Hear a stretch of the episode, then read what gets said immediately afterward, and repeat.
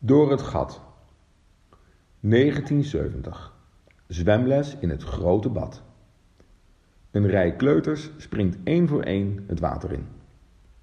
Ze moeten door het plastic gat op anderhalve meter diepte zwemmen. Ik ben er één van.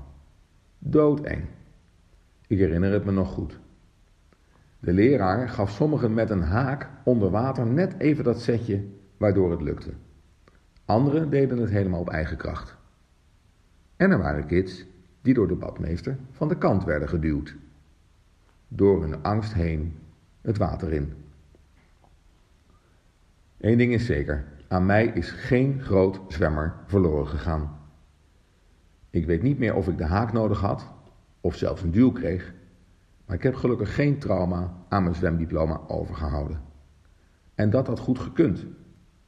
Zeker op die leeftijd maken we vreselijk veel dingen mee die de rest van ons leven bij ons blijven. Een managementteam van een business unit dat ik mag begeleiden wil vernieuwender zijn dan de rest van het bedrijf. Hun context houdt ze tegen, zeggen ze. Om te doen waar ze in geloven, moeten ze het met durf echt anders gaan doen. Of ze moeten met durf het ergens anders gaan doen. De achterliggende coachvraag betreft hun ondernemende competenties. Te gaan staan voor wat ze eigenlijk goed vinden voor het bedrijf en zichzelf. Het voortouw nemen in een onafwendbare ontwikkeling. En dat zit niet in hun DNA, anders hadden ze daar niet al jarenlang gewerkt. Maar gezamenlijk hebben ze als MT wel veel veerkracht. Veel van hun energie gaat nu verloren in de interne strijd. Als ze die kracht anders aanwenden, naar buiten toe. Als coach weet ik haarscherp waar mijn verantwoordelijkheden en bevoegdheden liggen. Ik mag beschouwen, analyseren, duiden, consequenties doorrekenen en tekenen. Ik mag zelfs bemoedigen, hun patronen benoemen, hun zwemles of andere trauma's oprakelen, tot tranen toe. Maar ik mag niet kiezen ik zit niet op hun stoel. Ik sta terzijde.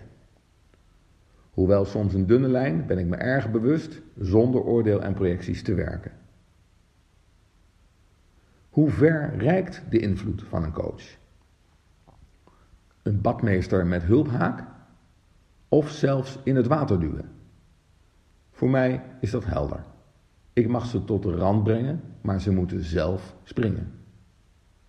Een hulpsetje onder water mag, als een schoenlepel. Net die ene oprit die leidt tot de snelweg. Ik laat het MT dus na het droogzwemmen los. Vanaf nu staan ze er alleen voor.